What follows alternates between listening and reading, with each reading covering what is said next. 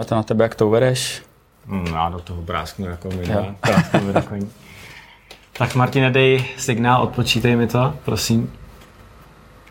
Tak tři, dva, jedna, kat. Dalším hostem podcastu Perfektních blbců je Mark Hilšer. Dobrý den. Dobrý den. Dobrý den. Dobrý den. Kdo ho neznáte, tak asi hlavní Hlavní věc, která se s vámi dá spojit, je aktuálně to, že byste možná mohl být příští prezident České republiky. Pak se taky samozřejmě pedagog, lékař a aktuálně senátor, jestli jsem ten výčet eh, řekl správně, to tak? Je to tak, je to, tak. to správně. No. no a my jsme si tak jako dělali plány do budoucna a teď jsme se přesunuli do toho roku 2023, kdy budou volby. A teď si představujeme, Mark Hilšer je prezident České republiky. Tak jsme se vás chtěli zeptat, jestli bychom my, dva, Pavel Mirovský a já, Pavel Šimek, jestli bychom mohli být eh, na hradě vaši uh, minář nejedlí, jestli byste nás vzal takhle. No tak eh, to, to vám ne, zatím nemůžu říct, začínáme ten rozhovor, tak se uvidí až potom. Takže já vám to řeknu na, kon, já vám to řeknu na konci. Na, no, na konci, no, no. na konci, když Ale tak. já bych chtěl, abyste nebyli minář a nejedlí. Samozřejmě. Já bych chtěl, abyste byli spíš třeba pan Špaček a, a, a nebo, nebo, nebo pan, teď si nespomenu na, na jméno, ale, ale spíš jako abyste patřili do, do této skupiny, do této hmm. skupiny lidí. Tak jsme to samozřejmě mysleli. Já vím, že se tak já si dělám legraci. No.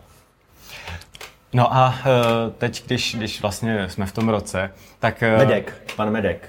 Jo, teď jsem si vzpomněl. Jo. jo, to byl hmm. kancléř, myslím, myslím Václava Havla, nebo byl jeho to, jo, jo. jo hmm. Takže, takže uh, tak bych si vás třeba představoval. No. Hm, to, je, to zní asi, asi dobře, tak jo. To, Bylo by to sympatičtější, kdyby nás tak lidi uvažovali. Mhm. No a tak teď jste teda prezident, no a co by byla ta první věc, kterou byste udělal? No tak úplně na začátku bych otevřel ten hrad, jo, protože hmm. teď je strašně zavřený a, eh, a myslím si, že, že ten prostor si zaslouží, aby, hmm. aby ožil, aby ožil a aby byl veselý a, a lidi tam rádi chodili. Takže hmm. to by bylo úplně to první. Je pravda, že v tom vnímání lidí dneska to skoro vypadá, kdyby ten hrad měl nějakou takovou jakoby nepříjemnou auru pro ně. Se říká, hmm. ty, kdy, kdykoliv se mluví, to se stalo na hradě, tak to vlastně není s takovým tím pozitivním, s čím by to mělo být vlastně dá se říct si, asi spojený. S tím se dá souhlasit. Mě by zajímalo, jak člověk vlastně přijde na to, že by se chtěl stát prezidentem. Jak se to no, urodí, taková myšlenka v to je dobrá myšlenka, to je dobrá otázka. Hejte, je to, je to, je to šílený. Je pravda, že uh, jako, když tak nad tím přemýšlím, tak opravdu je to prostě je to šílený nápad, že jo? Jako běžný člověk si neřekne, že by chtěl být prezidentem, že jo? A, a já si k no takovým, právě to je takový ten jako dětský sen, Já že si k těm lidem, no, no, tak možná, když jsme byli děti, že jo, tak no. jsme si říkali kosmonaut, popelář nebo, no. nebo prezident, že jo?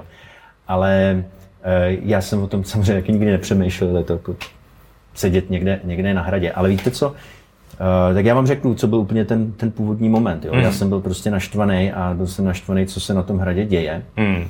My jsme ještě předtím s kamarády tak různě vždycky konali různé akce, když se nám něco nelíbilo, tak jsme například jako studenti jsme třeba protestovali proti takové skryté privatizaci fakultních nemocnic, mm, ještě když jsme byli, když jsme byli studenti na medicíně a tak jako nebylo nám hostejno, co se, co se v té společnosti děje, tak jsme to vždycky chtěli dát nějak jako mladíci prostě najevo.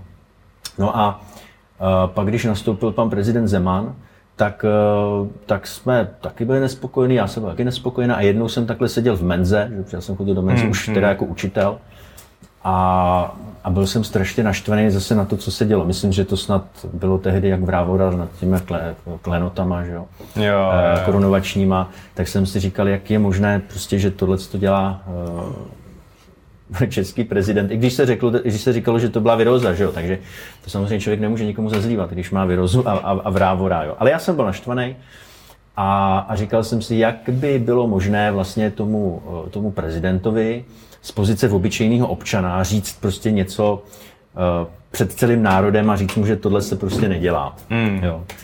No a, uh, a najednou přišel ten nápad, říkal, no jediná možnost, jak, jak to udělat, je jít do, jít do té kampaně vlastně, zúčastnit se té kampaně. Mm. Takže uh, ten, ten prvotní nápad nebyl, nebyl stanu se prezidentem nebo chci se stát prezidentem, ale zúčastním se té kampaně, abych mohl s tímto prezidentem jako obyčejný běžný občan hmm. uh, diskutovat a vlastně říct mu především, co si o něm myslím. To je strašně jo? super. Ten hmm. původní, teda, ta, ta, ta původní myšlenka, že mu řeknu, co si o něm myslím, tak já to tady nebudu říkat. Hmm. jo, to slovo, protože nechci být jako ten současný pan prezident. Ale, ale bylo to takové peprné slovo. A, a to byl ten, ta, úplně ten prvotní moment, kdy mě vlastně napadlo, uh, jak se, jako, proč se do toho vůbec vlastně pouštět. Pak jsem samozřejmě přemýšlel o těch věcech dál, hned jsem to zahnal, že jo? Ten, ten prvotní nápad jsem říkal, no to je, to je prostě šílenost. A pak jsem si říkal, no ale teď vlastně já budu mít v té době těch 40, že nebo 41, takže, takže je to ze zákona je, je to možné. No a, a pak jsem si říkal, no tak proč by nemohl běžný občan, běžný člověk, chlap z ulice, uh, který ho třeba štve, co se v té zemi děje, uh, a, a cítí nějakou odpovědnost, tak říkal, budu furt jenom na to nadávat, no tak se s tím nějak, tak se s tím nějak poperu. No a protože ty volby byly nějak za dva roky tehdy zrovna a, a ještě jsme si s kamarádama říkali, tak budeme teď čekat zase, koho nám ta politická scéna nabídne. Jo? Hmm. Nabídne nám pana Zemana, nabídne nám pana Babiše, nabídne nám zase někoho jiného a vždycky to bude nějaký reprezentant třeba těch různých politických lobby. Jo? A Říkali jsme, proč by tam nemohl být někdo už jako z té naší generace, která vyrostla, hmm. která vyrostla po, po, po listopadu 89, která není zatížená uh, těmi, jak, jak tím komunistickým režimem, tak není zatížená ani, ani těma 90. létama, že, divokýma hmm. politickýma, kdy docházelo k různým, různým tunelováním a tak dále. A to byly věci, které který nás štvali. Takže se to postupně začalo takhle jako kupy, ta, mm. z té prvotní jiskřičky, že, nebo toho prvotního nápadu eh, šíleného se vlastně to začalo dávat víc a víc, víc a víc smysl. No. A já jsem se taky chtěl poprat s tím a říkal jsem si, ta politika trochu jako ztrácí smysl ve chvíli, kdy, nebo když člověk přemýšlel nad těmi kandidáty, jo, tak a, a poprvé jsem vyřkl tu myšlenku nahlas, jo, tak mi někdo říkal, no prosím tě, no to je úplně jako šílený nápad, to není hmm. vůbec možný, protože to ve skutečnosti funguje tak, že přijdou ty marketéři, jo, pak přijdou ty sponzoři, vezmou si nějakého toho kandidáta, udělají mu, udělají mu marketing, proženou ho za ty velké peníze, ho proženou těmi médii hmm, hmm. a nakonec toho zabalí ho do nějaký krabičky, že jo, takhle ho pěkně zamašličkujou. Hmm. Musí, vyho- takže, musí vyhovat všem správným lidem. přesně, no, přesně tak, ale vlastně, jo, proženou ho tím, tím mediálním světem, utvoří nějakou nějakou personu, která možná ani není jako, jako pravdivá, ale díky těm penězům se vlastně podaří eh, udělat to, že ho všichni znají potom a, a dneska lidi volí toho, koho znají, že jo. Tak to, mm, tak, to, tak to často prostě je. No a já jsem si říkal, tak tím by ale ta politika, jako i ta idealistická politika přece ztratila jakýkoliv smysl, že jo? Pak, by, mm-hmm. pak by vládl jenom to, ten, kdo má, to kdo má jenom ty peníze a, a kdo je schopen vlastně to, tohle to udělat. A tak jsem si říkal, proti tomuhle je třeba se nějak postavit a jediná možnost, jak to udělat, nebo proti tomu, prostě dát jiný, jiný koncept toho a jak, jediná možnost, jak to udělat, je opravdu vytáhnout toho obyčejného chlapa, který půjde, přihlásí se do, do té soutěže a kdyby hmm. uspěl, jako kdyby uspěl úplně na toho prezidenta, no tak by to bylo skvělý, že? protože najednou... To by, by bylo na film. Pak by se ukázalo, že to je, že to je možný. Hmm. Uh, ale i kdyby uspěl třeba částečně, no tak by to mohlo motivovat další lidi k tomu, aby si řekli, no jo, tak teď přece uh, každý z nás se může nějak zapojit, hmm. že nejsme jenom, uh, nejsme jenom uh, jakési, nebo jsou, ne, ne, nejsme v zajetí prostě těch, těch, těch politiků a těch vrstev, hmm. které jsou nahoře, ale že ta skutečná demokracie opravdu vychází od spodu a že každý člověk, že každý člověk se může zasadit o to, co se děje kolem něj a to si myslím, že, že je, je, je, je správná, správná demokracie. To, co už říkal vlastně prezident Masaryk, je potřeba, abychom měli uh, ty sebevědomí občany, hmm. kteří jsou vlastně podmínkou fungující demokracie. To, co máme dnes, je jako demokracie, má volby, to jako funguje, ale myslím si, že se to dá dál dá zlepšovat. A dá se to zlepšovat tak, že každý ten občan, už tak, jak říkal ten Masaryk, bude tím sebevědomým občanem, který bude věřit tomu, že, že může věci nějak měnit. A mně přišlo v té době, že, eh, že ta taková beznaděj nebo, nebo zoufalost, já jsem těm lidem taky patřil, jo? Je, je, Hmm. je tak velká, že, že je potřeba to nějak jako zlomit, nějak to, nějak to navrtat, jo? tohle a to podle mého názoru může být jenom nějakým takovým případ, pří, případem nebo příběhem Hmm. někoho, kdo se, kdo se, o, to, kdo se o to pokusí. No. A musím říct, že, eh, že mm, eh, ten můj bláznivý nápad a ten výsledek potom v- těch, v těch volbách, myslím, že ukázal docela, nebo vydal takovou dobrou zprávu o naší zemi. A to, že opravdu uh, i, i kandidát, který, je, který byl neznámý, který nemá peníze na kampaň, protože ho nesponzoruje nějaký velký, velký sponzor nebo podnikatel, který je někde v pozadí, tak vlastně dostal jsem nějakých tehdy 8, 8 nebo skoro 9, 9% a Ehm, a to si myslím, že bylo docela, docela fajn. Já mám takovou příhodu. Hmm. Eh, Když jsem sbíral podpisy, eh, to tohle bylo eh, zrovna na Andělu, tak si vzpomínám, že tam přišel takový mladý muž, mluvil rusky a ptal se své kamarádky, to byla Češka, asi tady byl na návštěvě, tak se ptal, co tady dělá ten chlap v tom stánku, v těch šortkách, proč je tady s, s těma lejstrama a, a co tady vlastně dělá, jo? A baví se s těma lidma, sbírá ty podpisy, má tam takový divný, uh, ne, ne billboard, ale prostě takovou ceduli jsem tam měl, že jo, kandidát na prezidenta a on se jako ptá, to je fakt jako kandidát na prezidenta a bylo mu to strašně divný, že, že se, eh, že se může setkat s nějakým kandidátem na prezidenta na ulici, který jako sbírá ty podpisy, což asi v Rusku, um, nevím, jak to tam funguje, ale představa, že by, že by eh, třeba Putin nebo někdo sbíral podpisy na ulici, No. je to. Takže se tomu fakt, jako upřímně se tomu divil, teď se se mnou začal fotit a říkal, jo, tohle je teda uh, to, no vidíte, takže to bylo něco nepředstavitelného, jo, že by nějaký obyčejný člověk mohl prostě sbírat podpisy na to, aby se, to tak, to je, to byl taky jeden příběh. A pak byl druhý příběh a to byla zas, to bylo na kampě, si vzpomínám, to byla mladá žena, taky taková jako studentka, podobně stará jako tenhle, a ta byla ale ze Spojených států. Jo. A ta měla vlastně podobný šok z toho, nebo šok, taky se divila, jak může někdo, kdo chce kandidovat na prezidenta, stát takhle na ulici, není kolem něho žádná, žádná ochranka a, a sbírá, tam ty, sbírá tam ty podpisy. No. Takže taky se divila. No. Tak jsem si říkal, že to je docela fajn, že se naši lidi nedivili, že někdo může stát na ulici a sbírat podpisy, eh, podpisy pro to, aby mohl kandidovat eh, na prezidenta, že to berou jako docela normální a že to je vlastně docela dobrá zpráva ještě naší o, naší, o naší zemi. Byť máme spoustu negativních zpráv a tak dále, takže je, je, je řada i věcí, které si myslím, že jsou, že jsou fajn. A, Hmm. Mně se hrozně líbí vlastně ten přístup, jak jste, jak jste si prostě vzal tu situaci, řekl jste si, že- že nejste spokojený s tím, co se děje a řekl jste si, že uděláte tohle, což je jako myšlenka, která je obrovská, ale nakonec si ji přece jenom přetvořil v tu skutečnost a skutečnost, která nakonec byla hrozně blízko, nebo hrozně blízko asi nemůžu říct, ale byl to úspěch z tohohle vlastně malého nápadu, si myslím.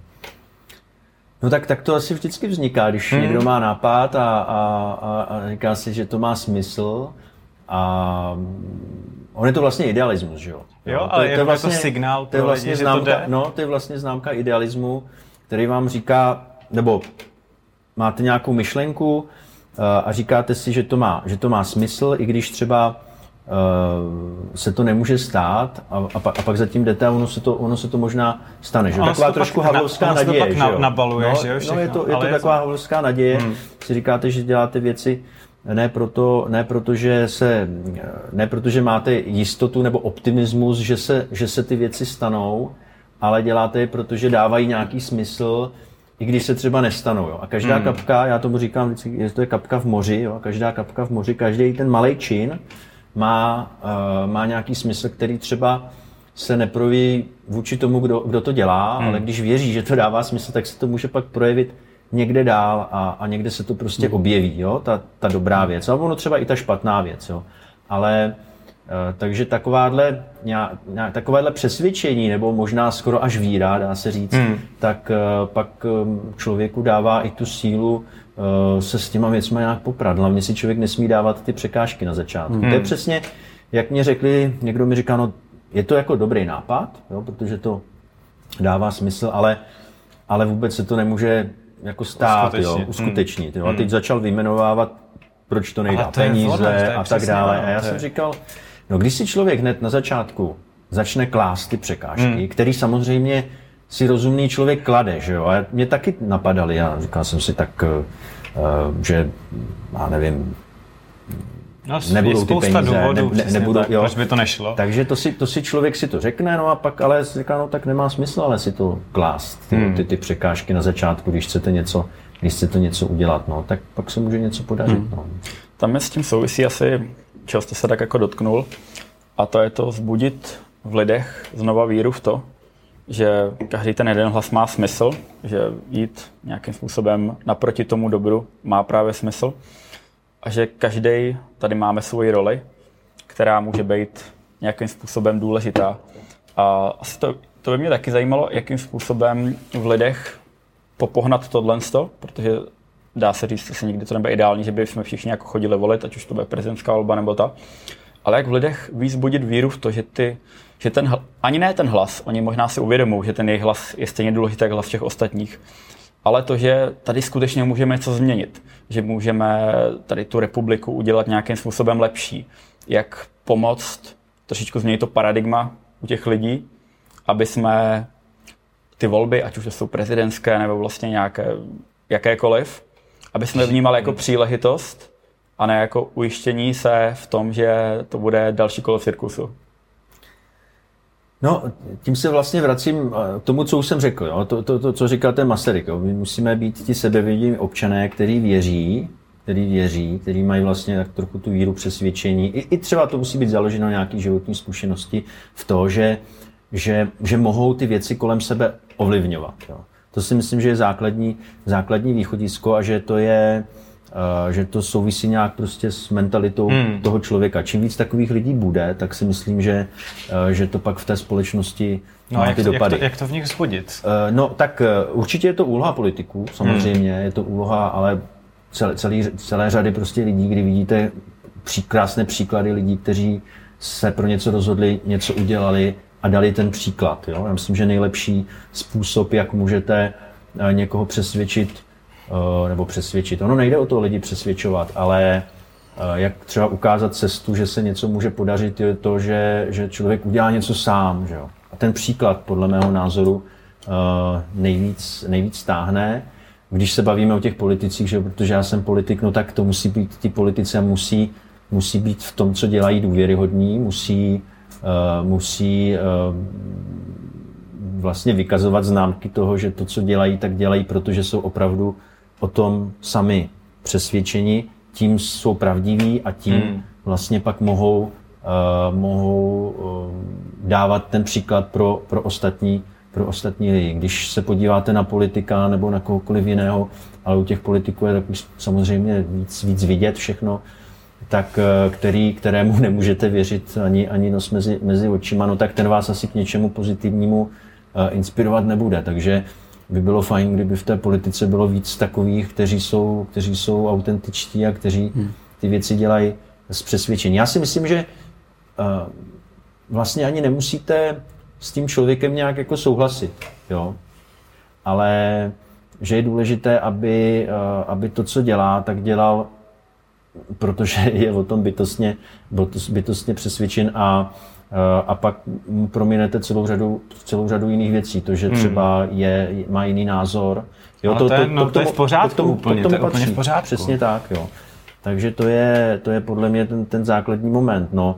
Eh, dělat ty věci eh, autenticky, dělat je s přesvědčení a, a věřit jim a pak, eh, pak se dá pohnout s čímkoliv, si myslím. No. Hmm. Mně přijde, že jste vlastně narazil na dva problémy, které teď jsou v naší společnosti a ten první podle mě je, že a to, to si myslím, že je fakt vážný problém, že se stalo vlastně normou, on, ne, nevím, jestli můžu říct normou, ale jako je to běžnější a sice, že do, do té politické sféry se prostě dostalo lhaní a je to vlastně, myslím si, že věci, které se třeba staly před 10-20 lety, tak teď je vlastně normální o tom fakt lhát, jakože tam jsou fakt lži a jako všichni to víme. Ale stejně jako, jako některým lidem to vlastně není blbý. No, tak nestydí se. Podívej, já mám takový příklad prostě teď z reálná situace. Jo? Hmm. Já vím, že nejste politický pořád, ale prostě takhle to je. Jo? Eh, v současnosti se rozhoduje o exekučním řádu. Jo? Hmm. Je to důležitá věc, protože možná víte, že v České republice je 800 tisíc lidí v exekucích, eh, je nějakých 5 tisíc exekucí, takže to. Proč jsme se dostali do takového stavu, bylo, bylo na další povídání, ale souvisí to prostě s tím, co se tady dělo posledních 15, 20, 20 let. Eh, řada těch lidí do těch exekučních pastí nebo dluhových pastí Eh, spadla třeba z nějaké, z nějaké bych řekl, eh, že úplně nebyli prostě finančně gramotní, eh, samozřejmě tam celá řada podvodníků a, a, a, a tak dále. Ale, ale známe případy, prostě, kdy třeba z korunového dluhu potom si ti různí exekutoři, advokáti z toho hmm. udělali takový biznis, že z korunového dluhu pak vznikl třeba 20, 27 tisíc korun dluh a tak dále. Čili ta situace teď je, je špatná a je ji potřeba řešit. No. Takže teď se řeší v parlamentu, uh, přijde do Senátu tahle záležitost a teď si vezměte, že o této věci rozhoduje uh, někteří představitelé eh, politických stran, kteří mají za kamarády uh, za kamarády velké exekutory, takzvané predátorské, predátorské exekutory uh, a vytváří, a tito politici vytváří zákony ne podle toho, jak je potřeba pro tu společnost, hmm. ale podle toho, jak to chtějí ty, ty jak, jak to chtějí ty, hmm. Eh, ti, ti, ti kamarádi. Jo? A teď ještě ta situace je ještě, ještě tak bizarní. Takže oni, ne, ne, oni nesledují veřejný zájem, oni sledují prostě uh, zájem těch predátorských exekutorů, proto nezavedou třeba teritorialitu jako, jako specifický problém, teri, teritorialitu exekutorů a, a, a vlastně jakoby zbrzdí řešení toho, eh, toho, toho problému. No ale to má ještě pak jako další dozvěr, že se nakonec dozvíte, že někteří tyhle ty exekutoři uh, jsou schopní toho, že eh, někde začnou stavět obrovskou stavbu, a to se děje teď v Olomouci, obrovskou stavbu, kopou tam nějakou, nějakou ne přehradu, ale, ale, uh, ale nádrž pro, pro zasněžování sjezdovek, protože ten konkrétní exekutor tam vlastní nějaký ski areál. Hmm a začne kopat tu nádrž bez povolení, bez stavebního povolení. Hmm. Jo? Takže, a teď se ještě pak se ještě dozvíte k tomu, že nejen, že teda začne kopat tu nádrž bez stavebního povolení, když teda na to přijdou úřady, no tak mu dá nějakou symbolickou, symbolickou pokutu a pak ještě zjistíte, že se ukazuje, že podle zákona by správně exekutor neměl podnikat. Hmm. No. A ukáže se, že ty dotyčné orgány pak řeknou, že ten exekutor tím, že tam staví tu nádrž pro ten svůj ski areál, že nepodniká, ale že, uh, že zvelebuje svůj majetek. Jo? No a tak teď si vemte běžný občan, si řekne, tak jak je tohle možné? Znamená to, že v této zemi jsou eh, občané, kteří jsou si nějak víc jako rovnější, nebo mají, mají větší jako privilegia, že nedodrží zákony, uh, procházím to, mají svoje kamarády, eh, mají svoje kamarády mezi, mezi politiky a pak, když vy jako obyčejný občan uděláte nějaký problém, eh, tak, eh, tak že jo, na vás padne těžká ruka a těžká ruka úřadu. Hmm. Tak pak už lidé nedůvěřují, ne, nedůvěřují ničemu. Jo. A to je jeden z konkrétních příkladů, který, hmm. jsem, který jsem tady dal, kdy dochází jaksi k obrovskému střetu zájmu a kdy ti politici vlastně neděla, nedělají to, co by měli, měli dělat. A to je sledovat veřejný zájem. No, takže pak se ta politika vlastně stává, stává lží, postihuje, postihuje, eh, nepracuje pro, pro, pro občany, ale pracuje pro nějakou úzkou skupinu uh, lidí a pak vzniká ta obrovská nedůvěra vlastně uh, občanů, uh, lidí této země hmm, hmm. vůči politické reprezentaci a to.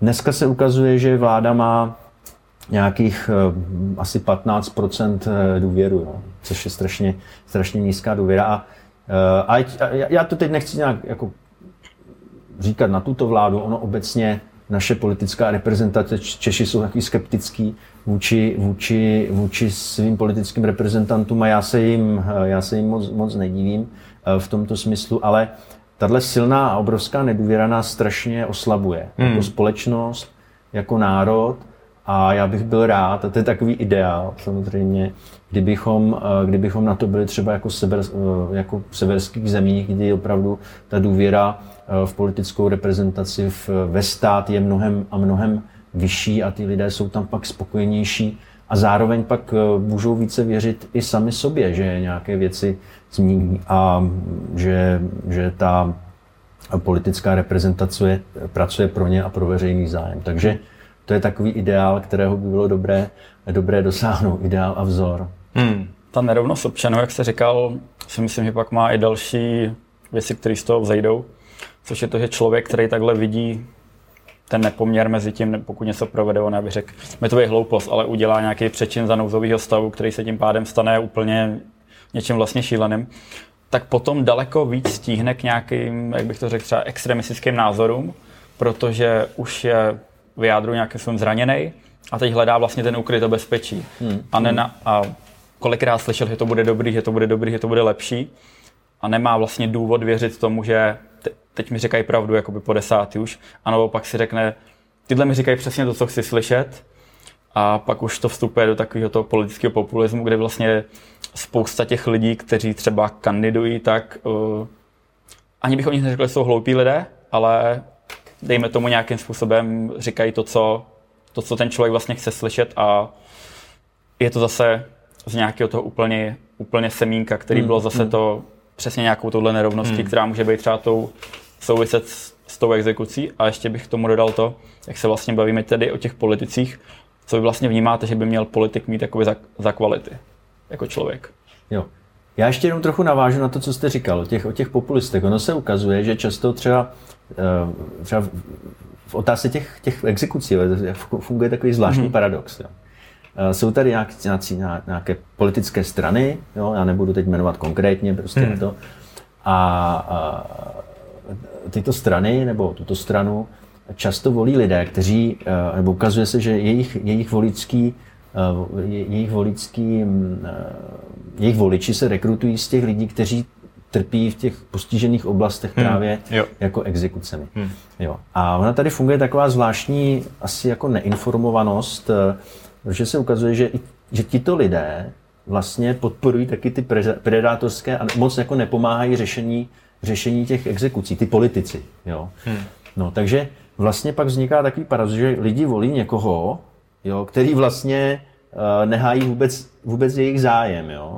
Jo, a to je to, co jste tak no, trošku no, říkal vy. ten příspěvek, který vlastně No, ale něco, něco on jim něco řekne, on hmm. mu jako řekne tady něčím je postraší, že jo, úplně, úplně jako něčím jiným a pak vlastně za dveřma dělá, dělá úplně, úplně něco jiného. A to je, myslím, vyplývá trochu z toho, že, uh, že někdy je těžké být v té, té změti těch věcí dobře jako informován o tom. Jo. Lidé prostě nesledují, jak kdo hlasuje, nebo nemají na to čas. Jo. Hmm. Občani často nesledují, jak kdo hlasuje Eh, jak dohlasuje v parlamentu a řeknou, no tak mě ta politika nezajímá, že jo, tak jako stejně s tím jako nic neudělám. Jo, a kdyby třeba věděli, jo, že ten člověk, kterého oni volí, vlastně dělá něco, co je eh, proti, proti jeho zájmu, no tak, tak by se třeba rozhodovali, rozhodovali jinak. Jak, to, je, to, je, to je první věc. A vy jste se pak ptal na tu, na tu kvalitu těch, poli, na, tu, na, na to, co ty politici by měli, na ty hmm. vlastnosti. No. Já, jako, já použiju silný slovo, ale především by neměli být pokrytci. To znamená, že když něco slíbí, tak by zatím mě, měli jít. Jo. Ono se může někdy stát, že třeba ty věci jsou, jsou složitější, ale, eh, ale pokrytectví je, že, že, že, že říkáte něco a děláte něco, něco jiného. Mm, jo. Mm. A lidi to časem poznají. Jo. Takže v politice je, je strašně moc manipulátorů, eh, takových jako šikovných, to jsou často velmi, velmi inteligentní lidé a Uh, je jich tam, ono nejsou jen v politice, jo, ty manipulátoři jsou všude, ve všech, ve všech, uh, ve všech životních situacích, oblastech, v podnicích a tak dále, ale, ale možná v té politice se, se tak jako objevují ve větším, ve větším procentu a Uh, někdy je to poznat až po nějaké době, no. Mm. protože tím, jak jsou šikovní a umí to, tak, tak uh, tak vlastně na to člověk přijde, přijde až za nějakou dobu, no, když už je napácháno spousta, spousta škody. Ale to patří, to patří k životu. A bohužel těch zklamání, a vy jste o tom tak trochu mluvil, že se to furt jako opakuje, že jo, tak těch zklamání bylo hodně, i, i, i, v mém životě, když člověk jako sledoval ten politický, tak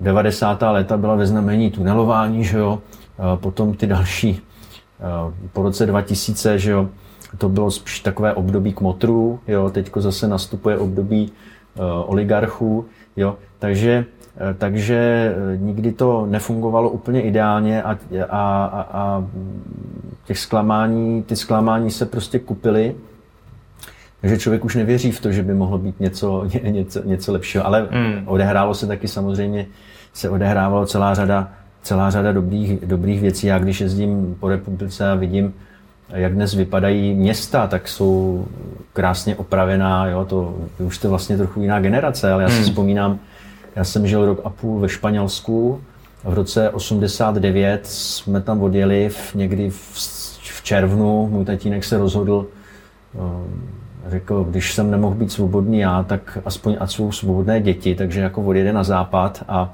bylo to v roce 89, jo, v hmm. červnu. Jo. Pak přišla revoluce, my jsme se ocitli ve Španělsku, přišla revoluce, tak jsme sledovali uh, sametovou revoluci ze Španělska. A pak jsem řekl, no tak teď už nemá smysl zase někam jezdit, vracíme se, vracíme se domů. Takže já jsem zažil uh, z ničeho nic, jsem se dostal vlastně z toho bývalého komunistického režimu, jsem se dostal na západ, mě tehdy bylo 14 let, nebo 13 let, 13, 14.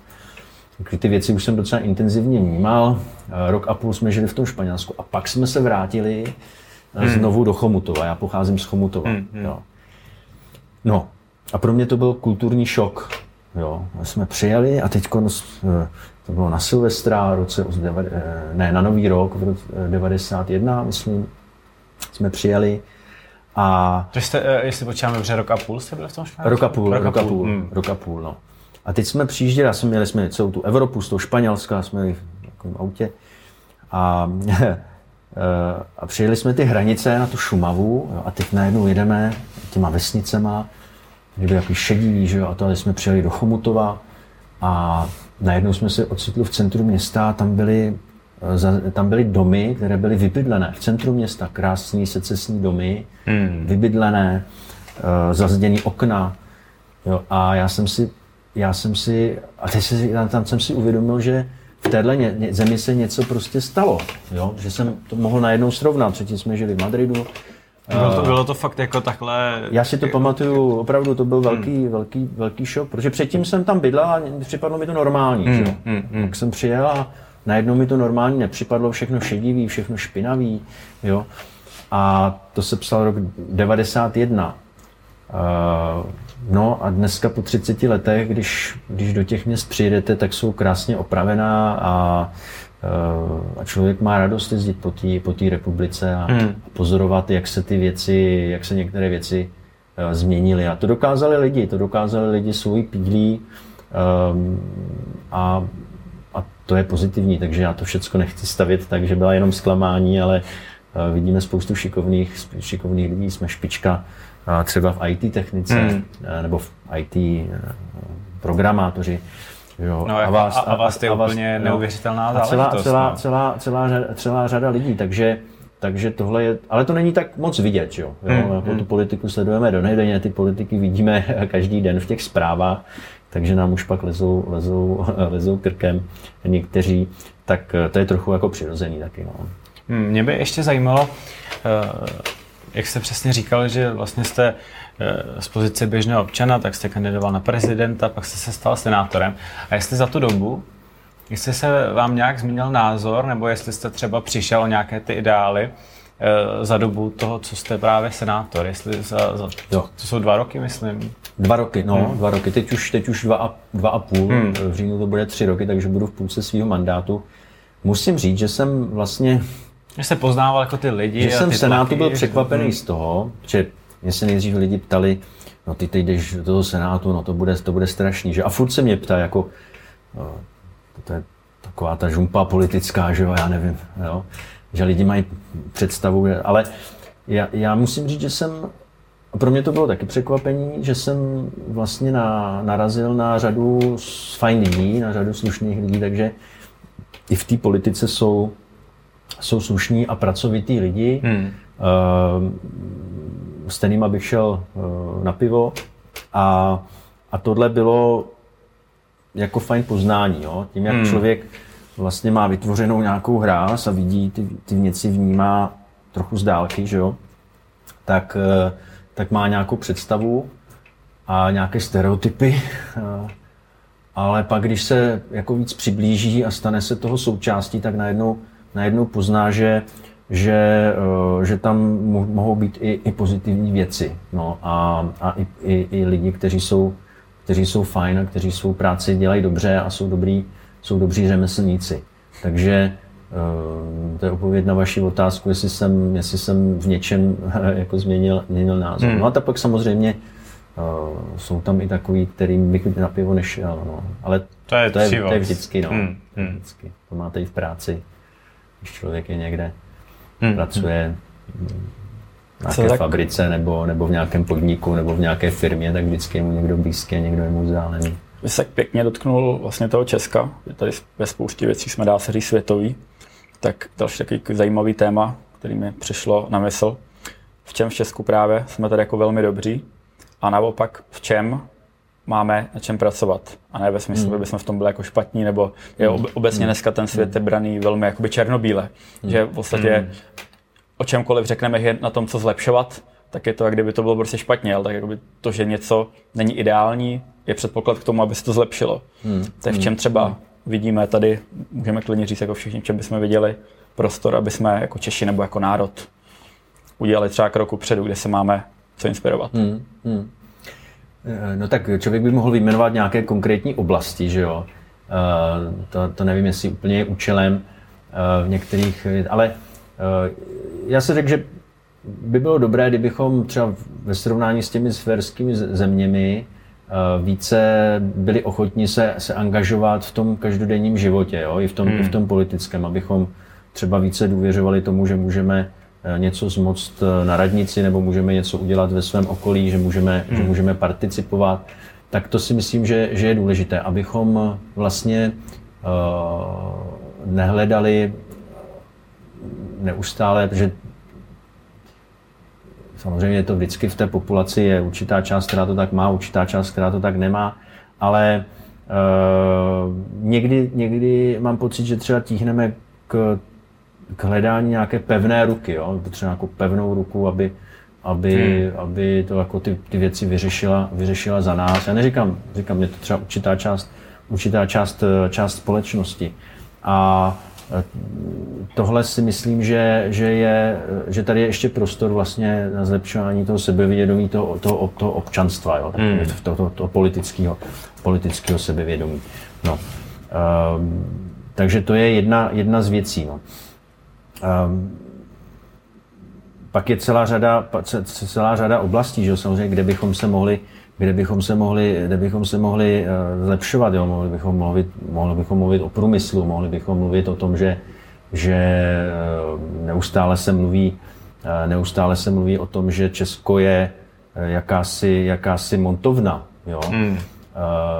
závislá na těch, kteří vymýšlejí ty, ty, ty věci. Jo? Takže kdybychom se stali více inovativními, nebo měli bychom se stát více, více inovativními, abychom Eh, abychom ty technologie vymýšleli u nás a pak už se vyráběly hmm. třeba někde, někde jinde. Tady je ještě, myslím, prostor, prostor na, na zlepšování a s tím souvisí zlepšování školství. Že? Abychom mohli, mohli hovořit o tom, že uh, bychom se měli stát chytrou zemí. My jsme v řadě těch oblastí jsme, ale, ale uh, stále, stále například ve srovnání s Německem v tomto ohledu máme ještě, máme ještě co, co dohánět. Takže, takže být inovativní, být, být, eh, být chytří, tak, abychom mohli, mohli více konkurovat eh, tomu eh, globalizujícímu se světu. Hmm. No, mohli bychom hovořit o zlepšování státní zprávy,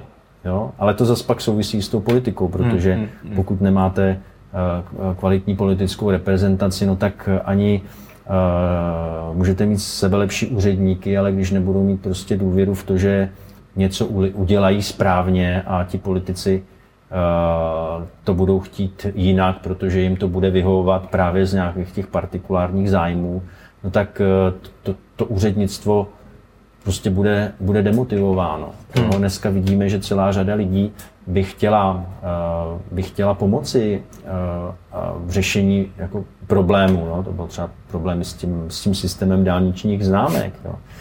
Víte, jak se, jak se řada lidí uh, jako zapojila, ale pak to nemělo moc jako výsledek. No? Ty hmm. politici to vlastně, vlastně odmítli a je otázka, je otázka proč. Takže mnoho lidí v této zemi by rádo něco udělalo, ale, ale uh, spíš se setkávají podle mého názoru s nějakou jako rezistencí těch, těch starých, z těch starých struktur. Tak to si myslím, hmm. že se dá taky, taky zlepšovat. Tak to jsou takové pocity, které tady vyprávím teď.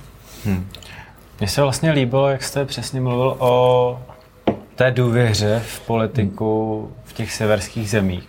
A já si pamatuju, nebo mám takovou jako, nemůžu říct asi osobní zkušenost, ale přes někoho osobní zkušenost, protože kamarád byl ve Švédsku právě v době koronaviru a napsal mi jednu věc, která mě zaujala a sice, že přesně vlastně lidi ty opatření nebo ta opatření dodržovali tam.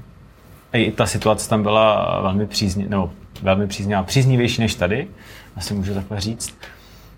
A bylo to tím, že oni prostě věřili víc těm politikům. Že tam hmm. byla ta důvěra v to, eh, v to co říkají. Hmm. No. Hmm.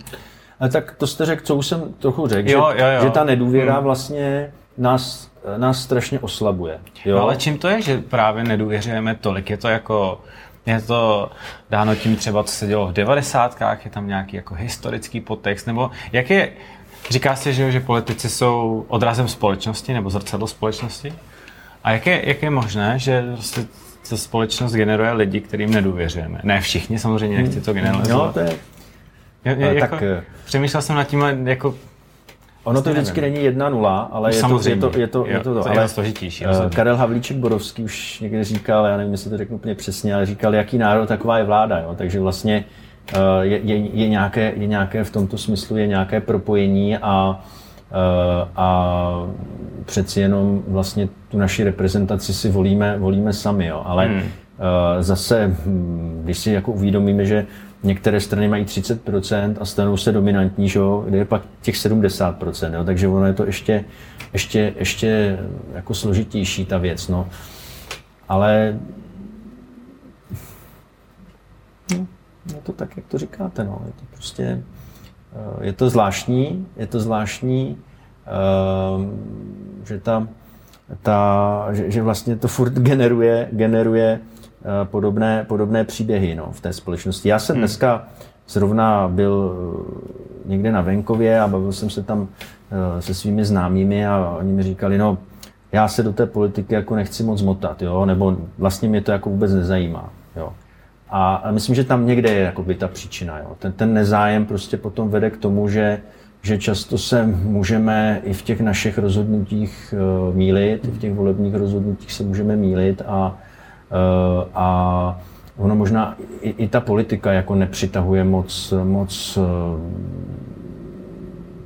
lidí, kteří by, kteří by odpovídali nějakým profilem prostě tomu kvalitnímu politikovi. Jo. Hmm. Protože komu by se chtělo, to je to, co jsem říkal, jak se mě ty lidi ptali, no teď jsi v tom senátu, že jo, jak to tam jako vypadá, to musí být, to musí být strašný, že jo, takže tahle ta představa nikoho moc jako nepřitahuje, jo, aby se, hmm. aby se hmm. někde, někde snažil a, a, a vlastně narážel furt na nějaký, na nějaký odpor. Takže je, já myslím, jediné to... východisko je opravdu mít o to zájem, chtít ty věci nějak měnit a, a starat se o to a uh, protože když, když tu moc vlastně odevzdáme do ruky někomu, o kterém ani jako moc, moc nevíme hmm. a, a nezajímáme se o to, tak on, on si tu moc někdo potom vezme hmm. a, a, a přivlastní si a, a zařídí si to vlastně podle sebe. Takže problém demokracie je v tom, že ona vlastně nemůže fungovat nějak sama o sobě bez nás. Jo? Jo? Hmm. Ona prostě nemůže fungovat nemůže fungovat bez nás, proto je to vláda lidu, takže pokud si ty lidi hmm. potom nejsou ochotní sami vládnout, nejsou ochotní přijmout tu, přijmout tu odpovědnost vlastně za, za, za to dění kolem sebe, no tak jak ji přijme někdo jiný a, a my se pak nestačíme divit, co se kolem nás děje. Hmm. No. Eh, Já můžu teď třeba říct příklad, eh, eh, příklad třeba eh, nějaké výstavby, že někdy eh, tady, v- tady v Praze se teď bude, bude stavět eh, na nákladovém nádraží Žižkov, je tam velký, velký projekt a, a vlastně lidi se o některých věcech, a to není, to není třeba úplně je- jejich chyba, dozvídají, až, až když už jsou ty věci úplně rozhodnuty, přitom mají právo se, se eh, k tomu, jak bude jejich město vypadat, nebo jak by mělo vypadat, tak mají právo se k těm věcem vyjadřovat. Mm-hmm. A, a někdy buď to nemají čas, chuť, anebo se to udělá tak, aby se nemohli eh, k těm věcem vyjadřovat.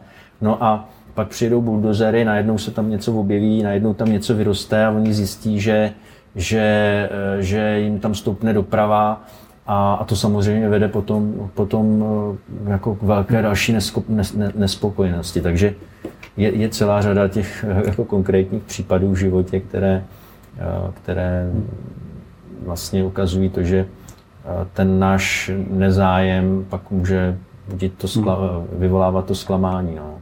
Jak jsi se reagoval na dvě věci. To první, jak už si vlastně dotknul. A to je to, že vlastně, aby to fungovalo, tak my budeme muset skutečně tu chuť s tím něco udělat, najít v nás, jak mluvíte o těch sebevědomých občanech. Protože pokud my, jako, pokud my tu motivaci v nás nenajdeme, tak to bude to, jak se vlastně uváděli ty, že spoustě lidem vlastně vyhovuje to se nezajímat a už jsou tak nějak zvyklí na ty figury, které tam jsou. A, Jsou rezignovaní, No a vlastně, vlastně uh, ve zvláštním slova smyslu mají toho takovou radost, protože pokud, pokud tam je někdo, kdo na, na kose dělá, nevím, teď si dělají na internetu vtipný obrázky, tyhle věci, tak nám to vlastně k takovému tomu švejkovský trošku vyhovuje. Že se nad tím můžeme zasmát a podívejte, co se udělá, ale máme takový téma k pivu a nevyžaduje to vlastně žádnou osobní zodpovědnost občana. Hmm. Můžeme se sejít u šesti, v šesti lidech prostě u stolu, všichni se nad tím zasmát, když to, aby jsme se pokusili o nějakou pozitivní změnu tady ve společnosti, tak to By bude muset jít být víc muselo, Markoviši. musí to jít, být asi skutečně v každém z nás, kdo bude mít tu zodpovědnost a chuť vlastně sebrat to v sobě a říct si, já tady s tím chci něco udělat. A ono to nebude tak jednoduché, jako smát se u stolu toho, co tady máme, i když nám to na nějaký úrovni nám to vlastně vyhovuje, že tady tyhle ty figurky máme, protože myslím, že a to není nic špatného o národu, ale prostě jako Češi se rádi smějeme těmhle s tím věcem a trošku nám to přijde takový, takový český. A Já si myslím, že s tím zase jako souvisí přesně jako vystoupení eh, z téhle z tohle komfortu a dělání si z toho té legrace přesně do toho diskomfortu, kdy bychom vlastně šli udělat tu změnu sami, která je, která je možná pro nás strašně eh, daleko, ale a proto právě neuděláme třeba jakýsi krok. No. No, je to, je, to, je to opravdu, jak říkáte, vystoupit z té komfortní zóny, že jo, takové té kritiky Hmm. A, a, to, a pak teda dobře, tak když vidím, že něco nefunguje, no tak pojďme to, pojďme to nějak udělat a pojďme to, pojďme to změnit. Ale to pak vyžaduje to, že to člověk musí opětovat ten Ano. čas, musí se sebrat, musí dát ty lidi dohromady, musí s nima, musí s nima mluvit a vlastně nemá jistotu vůbec, že to, že to vyjde. No, tak, tak ale to, já nevím, tak já to si je, myslím, no. že je lepší to zkusit a vědět, že to nevyšlo, než eh, to neskusit a nadávat. Tam je ten strach trochu podle mě, protože každý, no. kdo dělá, tak na to se svítí, že jo? A ono občas v tom stínu je tak jakoby příjemně, protože možná se nezasluhujeme o to, aby byl svět lepší, Hmm. ale tak jakoby je tam prostě příjemně můžeme jako pozorovat ty lidi a teď vidíme, že někdo se snažil a pak vlastně jakoby skoro čekáme, až, až se jako natluče. Znáte to tu písničku, určitě znáte uh, od Činasky, Hmm. uh, jak se to, já teď nevím. Bylo mé první CDčko. Máte první, ce- jo, vidíte můj to. svět. Čin, Činasky mají písničku, kde, kde zpívají, uh, já nevím přesně, jak se ta písnička jmenuje, No. ale uh, občas, občas ji slýchávám v rádiu a tam zpívají. Rodiče nám říkali, nehas, co tě nepálí, že jo? My Jo, jsme ty husákovi, my jsme ty husákovi děti, že jo? No. Čas pálí, čas Prosím? letí. 1935 se jmenuje. 1935, jo? 75. Ne, 75, to jsou ty husákové děti právě, no. Hmm. Takže, takže to vychází z nějaké, bych řekl, ně- nějaké naší národní vlastně trochu, trochu mentality a, a toho poznamenání tím eh, bývalým režimem, kde vlastně Ty jsme už v historii, hodně. eh, v historii jsme vždycky ukázali, když jsme se k něčemu vzedbuli, tak jsme dostali přes ruce, že jo. Přišel, přišla Bílá hora, že jo, pak, pak, pak, pak pravda. přišla, Hmm. Eh, nejdřív bylo Rakousko-Uhersko, že jo, teď se vznikla, vznikla Československá republika, samozřejmě všichni, všichni pro ní žili, eh, pracovali a, a najednou, najednou přišel Mnichov, takže zase úplně změna, změna paradigmatu, jo.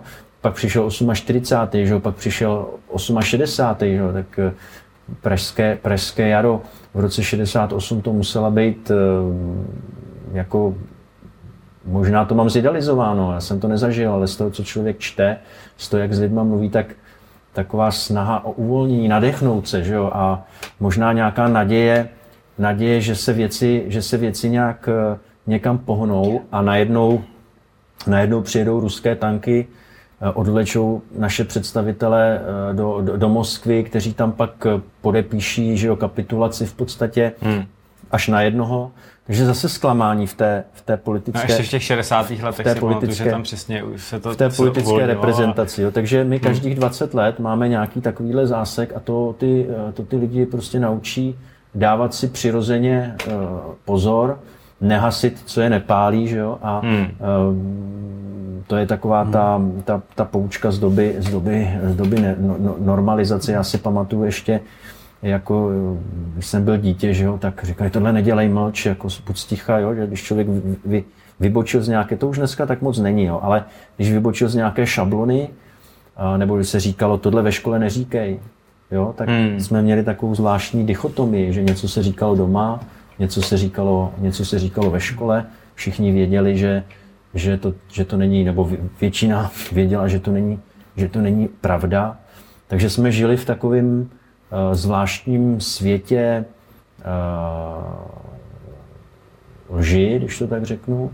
A to si myslím, že každého, každého z nás eh, muselo nějakým způsobem muselo nějakým způsobem poznamenat, jo, dělat hmm. tento kompromis. To my už naštěstí vy dneska dělat nemusíte, je to na vašem rozhodnutí, i když taky samozřejmě hájit v životě pravdu a to je v každodenním životě. Jo? To jsou malé, malé příběhy. Jo? Každý den máme nějaký malý příběh, kdy se rozhodujeme a musíme nějak konzultovat hmm. s naším svědomím, jestli udělat to nebo, nebo udělat ono. No. Tak uh, Karel Havlíček Borovský, já tady zase budu citovat, říkal... My tady rádi citujeme, ano, takže do toho. Karel Havlíček Borovský říkal, nechceš-li si, spá- nechceš-li si hubu spálit, musíš mlčet nebo chválit, že jo? jo? Takže to, hmm. on pak skončil ve vyhnanství, že jo? To víte, hmm. že jo? Ten Havlíček byl, byl hodně kritický k tomu, co se tady dělo a, a některé věci kritizoval. Takže eh, to tak nějak v nás asi je a to je možná ta, ta příčina. Hmm. Nehas, co tě nepálí. No.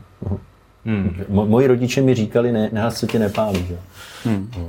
S tím asi může i souviset vlastně taková, nebo vlna že jak říkáte, vždycky tady bylo za 20 let nějaká taková ta událost významná, která prostě třeba mohla jakoby tohle se ovlivnit. Eh, nebude, teď dejme tomu, když se podíváme za svět, na svět za 5, 10, 20 let, nebude v tomhle hrát roli třeba taková ta, jak bych to řekl, až občas přílišná politická korektnost, kdy vlastně jakoby trošičku stenčujeme v určitých oblastech uh, nějaké ty mantinely té konverzace, co je vlastně správné a, správ- a špatné. A v těch lidech by zase mohlo tohle tak postrkovat vlastně do nějakého do nějakého toho středu, kdyby neměli vybočit a jít třeba za tím dobrem, protože by, nebo dobrem, dobro je relativní, že člověk na to může mít jinou perspektivu, člověk z jedné a z druhé strany, ale jestli vlastně pokud budeme příliš, jak bych to řekl, politicky korektní, a teď nemluvím ve smyslu nějaké jakoby slušnosti a neslušnosti občanské, ale v nějakém bych, názorovém, jak bych to řekl, v takovém uh, názor, názorovém schématu, které, které lidi můžou mít, taky to vlastně nebude se postrkovat k tomu, že je lepší vlastně být ve prostřed a nikoho da, tak nepobouřit nějakým způsobem svým názorem, nebo nejít oproti většině mít jakoby strach diskutovat. A jestli to nás tohle zase neposílí, jako v takový ty bottom line. Jako, myslíte, jako, že politická korektnost, jestli tomu dobře rozumím, by nás mohla dovést zase do nějaké krize, nebo tak, takhle jste to chtěl říct? Nebo? Ve smyslu, asi bych to řekl... To no, příkladu. Uh, já bych asi, asi neuvedu nějaký konkrétní pří, příklad, hmm. ale řeknu si, hmm. jestli není vlastně člověk to asi možná to vnímá, možná to nevnímá, možná to nějaký můj osobní pocit. Tím, že v určitých oblastech života se jakoby stenčuje, jak bych řekl, stenčuje přístupnost určitých názorů. A jestli vlastně tohle, kdy nebudeme ochotní třeba diskutovat o některých věcech, a ta diskuze bude hmm. nějaký způsobem hmm. zapovězená, jestli to vlastně k tomuhle taky trošičku nepovede. No tak asi by neměla, ne, neměla být žádná tabu, že? protože pokud, mm-hmm. pokud musíme řešit nějaké problémy společenské kdekoliv, ale třeba i v technice, že se ukazuje, že když, když lidi prostě neřeknou na rovinu nějaké věci, protože to je zrovna nevýhodné, no tak pak se ukáže, že může spadnout most, že jo. Mm. jo? když řeknu takový konkrétní, jo. To. Takže, eh, takže eh, určitě by neměla být tabu, ale a měla, mělo by se o věcech mluvit otevřeně.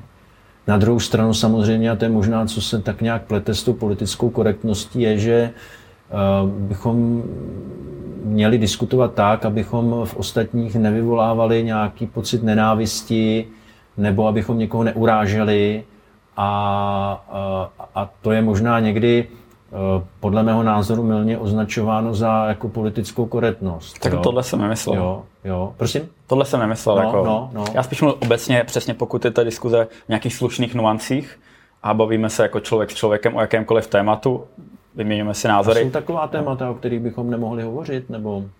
Hmm, to by bylo asi, asi by to, asi by to bylo na delší diskuzi zrovna tohle. Hmm, hmm. Já myslím, že ty narážíš jako na svobodu slova z hlediska třeba humoru. Dá, dá se a- říct třeba, a je to vlastně uvedl dobrý jestli, příklad. Jestli si můžeme dělat legraci úplně ze všeho, nebo jsou mantinely, ze z čeho si ji dělat nemůžeme, eh, pak je tady samozřejmě... Rozumím, jo. eh, No, chápu. No tak eh, podívejte, je to samozřejmě někomu může nějaká věc připadnout humorná a, a, a jiného může urazit. Jo? My žijeme ve společnosti, která je poměrně třeba homogenní jo, a, a e, nejsou zde nějaké rozdíly třeba rasové, nebo jo, jestli, jestli třeba mm-hmm. narážíte na tyhle věci. Mm-hmm. Takže, e, takže se nám e, ty, ty, ta, ta poli, politická korektnost, myslím, chápe o něco, o něco hůře, jo, protože, protože naše společnost si ne, ne, neprožila něco, co si třeba prožila americká společnost, jo, kde, kde, kde, kde, fungoval, kde fungoval otroctví, že jo, ještě, ještě v polovičce, ještě v polovice předminulého, předminulého století, kde, kde byla občanská válka, kde stále určité skupiny prostě lidí nemají přístup do, nemají přístup do, do, do určitých jako společenských, společenských sfér. Jo. A v takovém případě, kdy, kdy existují, bych řekl, nějaké šrámy nebo, nebo, nebo bolestivá místa, tak, tak se asi těžko třeba dá na, něk, na některé věci šprýmovat nebo, nebo, nebo, dělat, nebo dělat nějaký humor. Třeba já mám známé, kteří pracují v Německu a Češi si někdy umí dělat takovou jako legraci jo, z, mm. z různých politických... Máme rádi ten černý no, humor. takový ten černý jo. humor, který prostě třeba zabrousí, zabrousí, uh, zabrousí třeba do nacismu a do takových věcí, jo, nebo dělají si srandu nějakým způsobem. Ale pro Němce to, to zní jinak. Jo? Takže ten, ten český humor úplně nemusí, nemusí jako správně chápat, protože mm. si prožil jako úplně něco jiného. Prožil si nějaký pocity, třeba ta společnost si prošla nějakými nějakou drastickou zkušeností druhé světové války, že nejdřív způsobila obrovskou bolest jiným lidem, jiným národům, pak byla za to vytrestána tím, že, tím, že byla vybor, vybombardována, vybombardována jejich města. Takže pro ty Němce jako dělat si humor třeba z některých věcí, z kterých nám to připadne normální, nebo si ten humor děláme, tak, tak oni to můžou cítit jinak. Jo? Hmm. Zcela, zcela asi jako pochopitelně.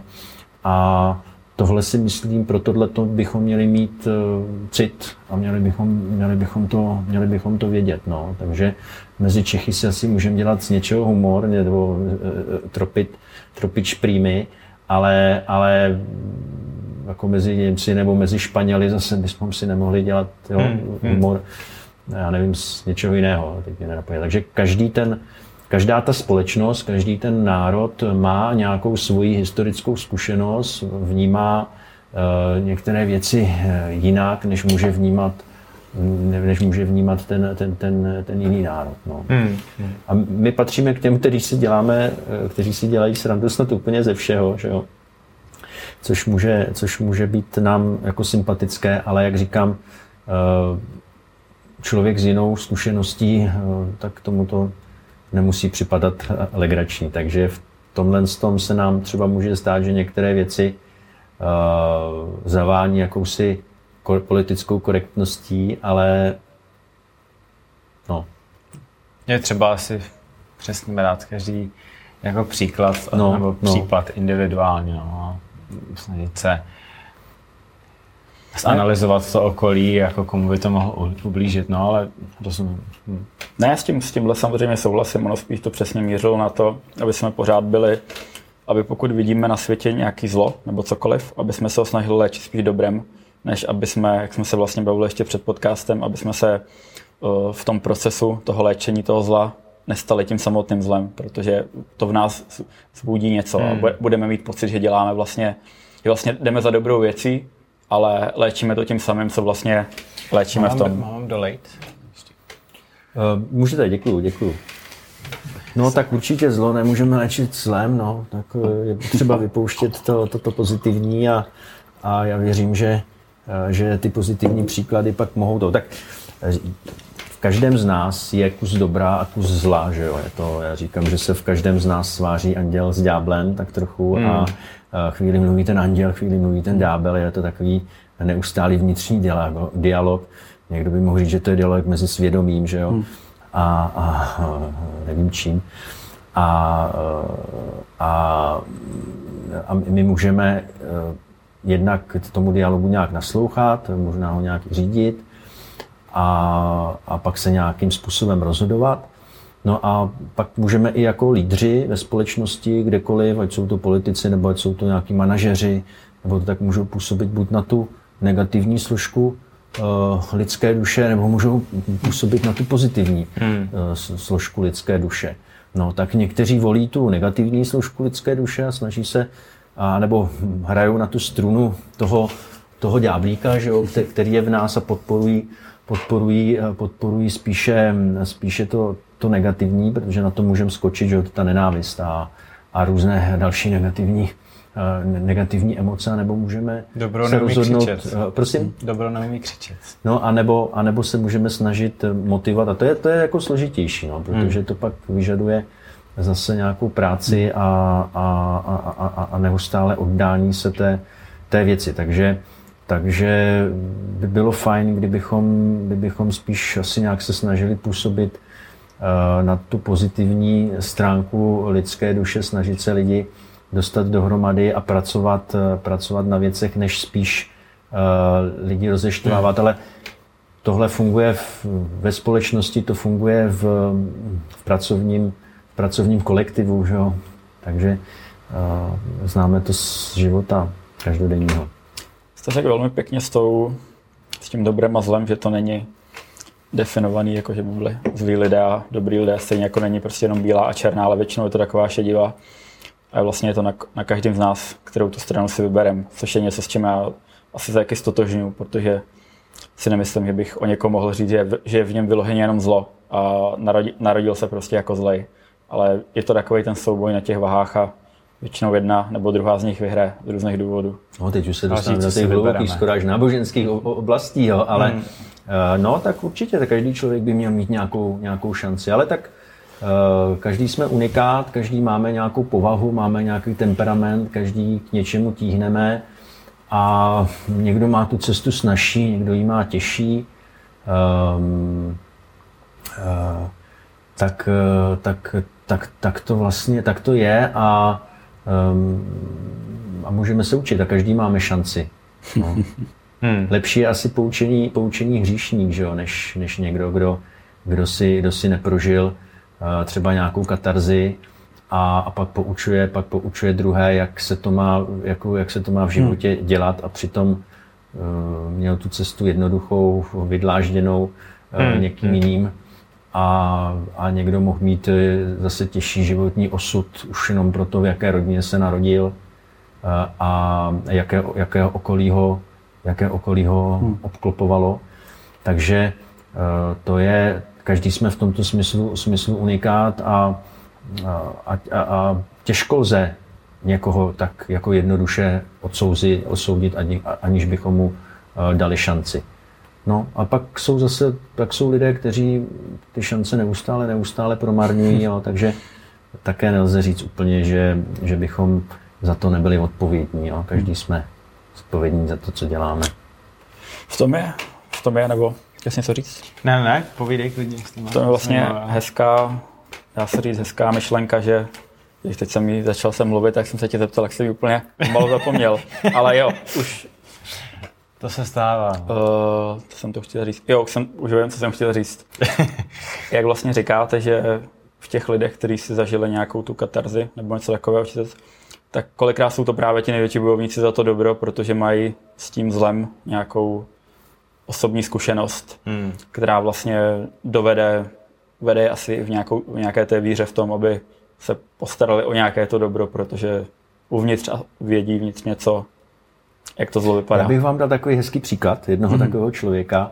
V těchto dnech si připomínáme stoleté výročí narození Andreje Sacharova. To je možná člověk, kterého už vaše generace moc nezná, ale je to rezident z dob Sovětského svazu, který na začátku, nebo v první třetině možná svého života vlastně byl na vrcholu, na vrcholu společenských příček a na výsluní toho, toho režimu. Andrej Sacharov eh, je vlastně ten, kdo sestrojil eh, nebo byl hlavním tvůrcem eh, ruské vodíkové bomby. To byla největší bomba vlastně na světě, která byla, která byla vynalezena. Se to car bomba, se tomu říkalo. A, a to byla bomba, která by byla schopna zničit půl Evropy. Tenhle mm. člověk vlastně vymyslel vynález zkázy. A on o sobě mluvil potom později, že byl vlastně monstrum. Jo? Že on si hrál vlastně jako na Boha, dá se říct. Si to takto neříkal, ale, ale, ale e, pak došel, e, když viděl, jaká ta bomba má účinky a, a co vlastně může způsobit, tak e, propadl, propadl v, v pláč a nastoupily obrovské pocity viny. A pak se stal jedním z těch, kteří vlastně se zasadili o, o odzbrojení. On působil na tehdejší sovětské vládce, na Chruščova a tak dále, že to hmm. došlo až tedy k uzavření různých smluv, které vedly, vedly k, k vlastně zákazu některých, některých atomových nebo některých jaderných zkoušek a pokusů, až vlastně se proměnil v zastánce lidských práv a ta jeho cesta za pravdou ho vlastně dohnala až do vyhnanství. že on se z toho, z toho vrcholu té společnosti, on byl asi tři, trojnásobný hrdina socialistické práce eh, v Sovětském svazu, který vedl, dá se říct, velmi, bych řekl, pohodlný život, eh, zásobován všemi možnými eh, výdobytky, to, co běžní, běžní občané eh, neměli. A pak si prodělal nějaký osobní vývoj tím, že poznal, on byl genia, genius, jo, tím, co byl schopen vytvořit genius ve fyzice. Hmm. a nakonec tedy pochopil, že, že jako tudy, tudy cesta nevede a vlastně stal se, stal se dizidentem, který mohl skončit kdykoliv, eh, kdykoliv ve vězení. On potom, mm, jak jsem říkal, byl sedm let ve hynanství. Eh, eh, když začala perestrojka, tak si ho pozval Gorbačov a on první, co řekl, tak když, ho, když mu Gorbačov, to byla taková zajímavá příhoda, on byl v tom vyhnanství někde v Gorkem a jednoho dne přišel, přišel nějaký technik, zazvonil zazvoní u jejich dveří, oni otevřeli a říká, jdu vám, na, jdu vám namontovat telefon. Jo, to v té, mm. tehdejší době, jako že by, mm. že by dizident měl telefon, tak se divil, co se děje, tak mu namontovali telefon a, a když ten technik odcházel, tak říká, zítra budete mít telefonát od jedné důležité osobnosti nebo osoby. No a volal mu Gorbačov s tím, že mu řekl, že ho propouští z toho vyhnanství ať přijede do Moskvy a on první, co řekl, no to počkejte, to takhle jako ne, tady ještě je dalších 100 nebo 200 politických vězňů, které musíte, musíte také propustit. Tak to je, myslím, takový opravdu jako silný životní příběh člověka, který si prošel, myslím, katarzí, který si vybudoval pak eh, velmi pevný vztah eh, se svým svědomím a vlastně byl ochoten sestoupit z té výšiny, z toho Olympu, té, té, toho mocenského jako výsluní až někam, někam, někam hodně hluboko až do vyhnanství. to všecko vlastně dělal kvůli, kvůli hlasu svědomí a kvůli nějakému poznání pravdy. A pak říkal, že eh, pokud, eh, že lidstvo může mm, docílit pokroku pouze, pokud bude hájená lidská důstojnost a lidská svoboda a, a, a lidská práva, což eh, toto říkat v Sovětském svazu byla opravdu tehdy hmm. velká, velká odvaha. No. Tak to, je, to byl zajímavý, to byl zajímavý, zajímavý takže- příběh. Andrej Sacharov. Tak se říká důležitý, důležitý žít v pravdě. Asi taková jako bottom line toho celá. Ale celkově mě... My mě máme na, no. na, naší, na naší standardně prezidentské hmm. Máme pravda vítězí. No. To, tam, eh, to tam přistálo. Já se přiznám, že teď, eh, ale myslím, že to může určitě eh, Tomáš Garik Masaryk taky. On byl filozof, v podstatě, že on Hmm. svým, svým civilním povoláním byl, byl, byl filozof, takže Hmm. nestává se často v historii národa nebo historii politické, že by se prezidentem stal, stal filozof a mm, možná proto Masaryk dokázal to co, to, to, co dokázal, že vlastně z nuly vydupal, vydupal český stát. No. A tak to by bylo na dlouhé povídání asi, jak, jak, to, k jak tomu- to dokázal. No, mně se líbí k tomu, jak vlastně myslím, že bychom si, eh, myslím, že bychom si nějakého filozofa zase zasloužili. No. Určitě by to byla příjemná změna. Eh, K tomu, jak jste se vlastně bavil o tom Sovětském svazu, já jsem taky četl, četl jsem vlastně knížku, nebo obecně rád čtu od vlastně Eduarda Frankla, který vlastně byl člověk židovského původu, který taky byl vlastně na- narozen v Rusku. A procházel si právě tímhle s tím jakoby šíleným osudem, kdy on byl velmi, velmi vlivný, velmi vlivný matematik, dostal se k tomu, narodil se jako matematik a byl vlastně na jedné v té univerzitě v té Moskvě a tam ho vlastně zkoušeli z nějakých těch urči, z určitých věcí. On měl všechno, dá se říct, naučeno, byl velmi jakoby to. A seděli tam, dejme tomu, čtyři studenti a těch tří se zeptali na něco, ano, ano, ano. A vlastně jeho, na cokoliv jim odpověděl dobře, tak mu dali vlastně jakoby další úkol nějaký, hmm. dejme tomu. Hmm. A to se mu teda, všechno se mu to povedlo a nakonec mu teda řekli, no, tak všechno se udělal správně, ale tady jste neřekl něco ve smyslu, je to výčet všech částic, a on neřekl třeba všech, je to výčet částic. Vlastně na tom ho vyhodili. A pak ten vlastně pedagog, který ho teda nepřijal, řekl, teda jste nepřijatý, kvůli, víme z čeho, jakého důvodu to bylo, tak ho vlastně vedl, ten člověk, který ho tam zaříznul, tak ho vlastně vednul uh, do toho výtahu a v tom výtahu mu jako říká, jako, jak, jak to je tak dobré, když se to prostě naučil. Ten sam, a on říkal, tomu absolutně to nechápal, říkal, tenhle ten člověk se mě teď snažil jako to, proč se mě na tohle ptá. A vlastně nakonec ho dostal na nějakou, na nějakou tu další univerzitu. Řekl běž to vyzkoušet prostě tady a on se tam dostal vlastně jiným směrem na to nějaké to matematické výsluní a byla to vlastně kniha Math and Love vlastně od něj. Hmm, hmm. Ale asi důvod, proč jsem o tom říkal, byla, že to je taky zajímavé, jsou to zajímavé příhody vlastně z toho, co my si možná teď ani nedovedeme představit uh, vlastně v té, že ta svoboda, i když nějakým způsobem pořád někteří lidé se ji snaží jako zmítat, tak tady je prostě furt obrovská. Je to o tom, aby člověk využil, využil nějakou tu, pří, eh, tu příležitost a hlavně, co jste říkal, co si myslím, třeba si z tohohle zrovna odnesu, já se mi líbilo, je právě to, že člověk musí najít sebevědomí sám sobě, aby se změnila celá ta společnost. Protože pokud budeme doufat, že se to změní samo nějak tak za sebe, tak eh, se to asi nestane. No nesmíme, nesmíme spolehat na toho prezidenta, že jo, to je ta písnička, teď ji přesně nezaspívám, ale pane prezidente, vy to všechno za nás vyřešíte, že jo, Jo, to je jo, asi, asi ta základní o, věc. o dětech, děti mi nevolají. No tak tohle si myslím, že, že je písnička od, od eh, Jarka Nohavici, že jo, pane mm-hmm. prezidente. Vy to všechno za nás vyřešíte, no tak, eh, tak eh, to je, myslím, jako první velký omyl, no. no. To se asi nestane. My na závěr máme vždycky několik takových jako abstraktnějších otázek Eh, a jedna z nich je, jak je v životě důležitá, nebo co je vlastně pro člověka láska? No láska, to je, vidíte, to je, to je hodně složitá otázka. Eh, No, hmm. láska. Jo, jo, láska. Hejte, eh, jak je, no tak láska je,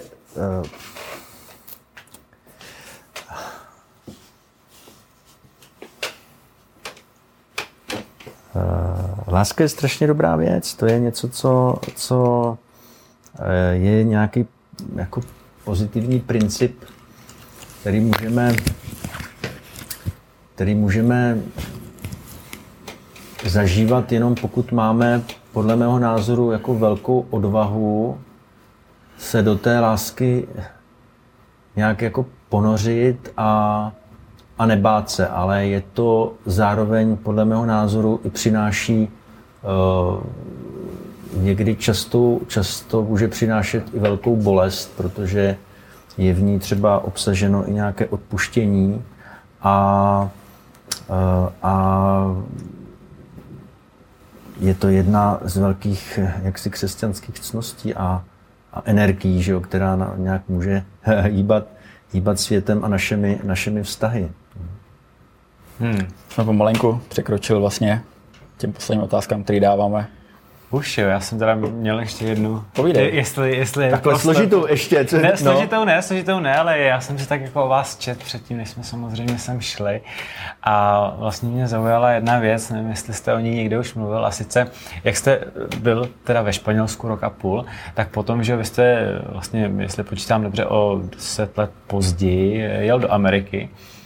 A tam jste dělal spoustu různých věcí, spoustu různých věcí a mě by zajímalo, jestli byste o tom nepohovořil a zároveň jestli byste neřekl, co jste se tam jako naučil, co bylo to nejvíc, co, no, jo, co jste si o tom tuď odvést, jestli máte něco jako úplně, na co si vzpomenete, co bylo, uh, co je věc, na kterou si vzpomenete, kdykoliv si vzpomenete na Ameriku.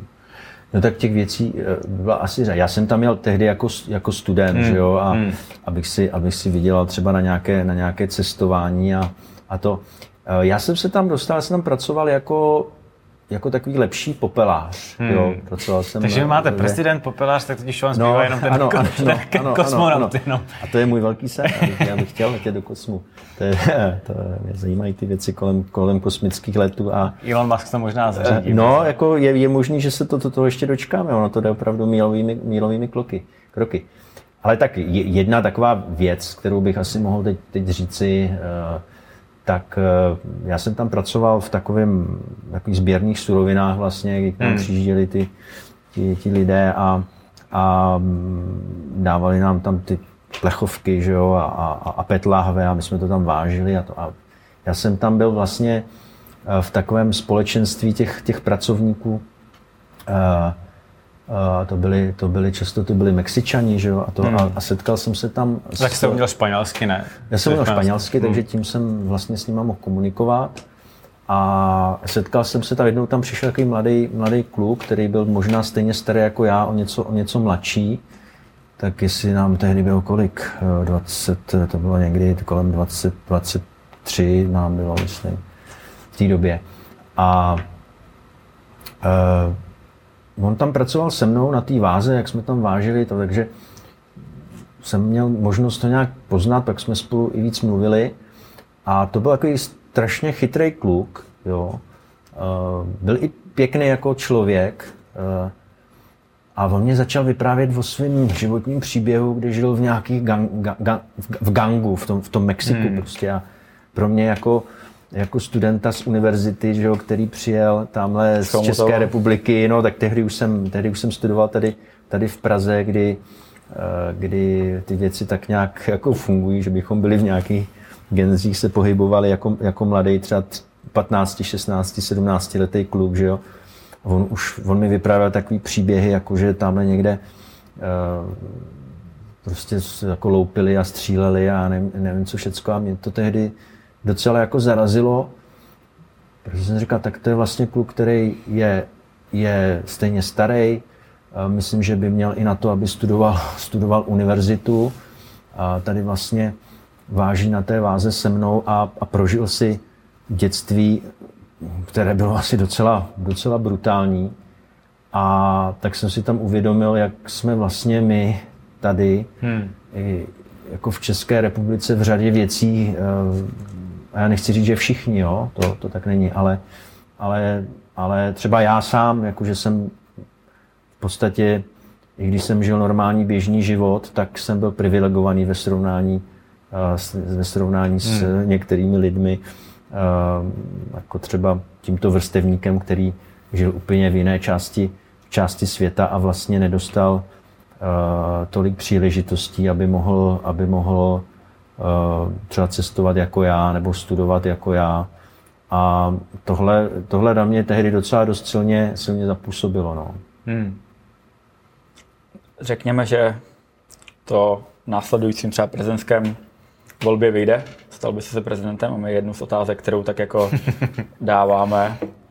Je, bude nějaká kulišárna určitě. To nebude kulišárna, protože pak jako mladí lidé by určitě k vám koukali jako k nějaké jako, jako figuře. Jakou radu byste dal mladým lidem? Prosím? Jakou radu byste dal mladým lidem? No, tak eh, my jsme tady hodně mluvili o tom svědomí, tak aby, aby to nějak eh, zkoušeli, aby, aby to hledali, protože ono tak občas klepe, klepe a, a, a chce se to, tak to je, to je důležité taky, aby, aby si nekladli ty překážky, jak jsem, já nechci tady udávat nějaké knížecí rady, on si každý na to, na to ano, přijde to sám. souvisí s tím kliše. No, je no. lepší hledat způsoby, než hledat důvody, proč to nejde. To je jako hrozný kliše, no, ale to, to fakt strašná pravda.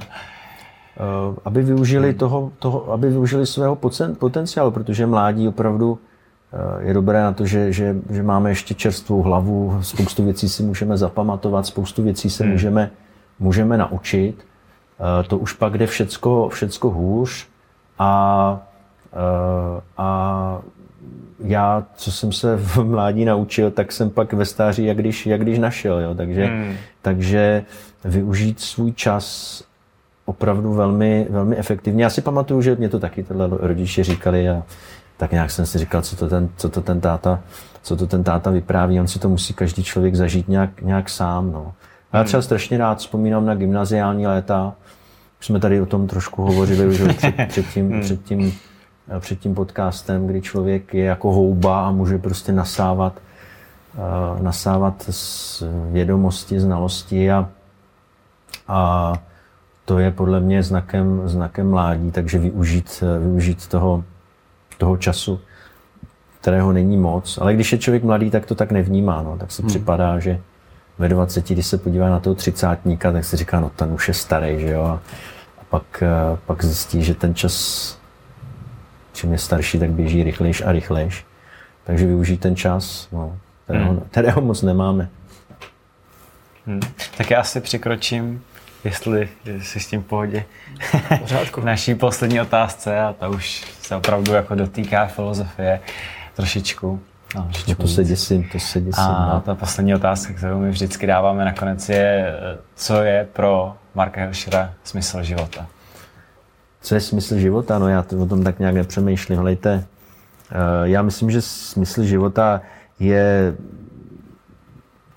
Eh, Frank Sinatra nespívá takovou tu písničku, hmm. všechno, co jsem dělal, že jo, nebo když, jak to je, My Way. Dělat to, dělat to tak, aby se člověk potom uh, mohl za sebe podívat se uh, do, do minulosti a říct si, že to, co dělal, tak, uh, tak vlastně dělal rád a, a aby se za to nemusel nějak stydět. No. Tak to asi si myslím, že je nějakým smyslem tak jo. mým. Hezká odpověď. Každá odpověď byla zatím jiná.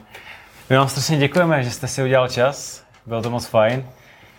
A hodně štěstí do kandidatury. Když to vyjde, tak eh, se stejdeme na hradě. ano, ano, tak děkuji vám, děkuji vám za pozvání. Jsem rád, že jsem s váma jako, nebo s vámi jako s představiteli mladé generace tady mohl hovořit. Eh, někdy jsme se položili že jo, do takových poměrně i, i, i těžkých, těžkých témat jako co je dobro, co je zlo. Hmm. Eh, to nás asi bude pronásledovat, co je, co je lidstvo lidstvem a, a budeme to neustále, neustále hledat. Tak eh, ať se nám to daří. Se nám to daří. Přesně tak. Tak děkujeme ještě jednou a děkujeme i vám, že jste nás dneska sledovali. Eh, pokud se vám díl líbil nebo jiný díl, tak eh, dejte odběr, abyste měli všechny novinky jako první. A díky, díky, že jste nás sledovali nebo poslouchali na Spotify nebo Apple podcastech a budeme se těšit zase ještě příště a děkujeme i Martinovi, že tady s námi byl a že eh, dělal všechno ta, všechny to je muž zákulisí, co? Přesně tak, to je muž zákulisí, který je vlastně úplně nejdůležitější. Za kamerou. Přesně tak. Takže díky Markovi, díky Martinovi, díky tobě, že jsi tady s dneska byl. Bylo to Děkuji. příjemný. Hledejme pravdu. Přijď příště. Hledej, hledejme pravdu. Jo, kdyby to bylo tak jednoduchý. Tak jo, díky moc. Mějte se hezky, nashledanou, ať se vám daří. Mám taky. Naschledanou. Už tam bude černá obrazovka.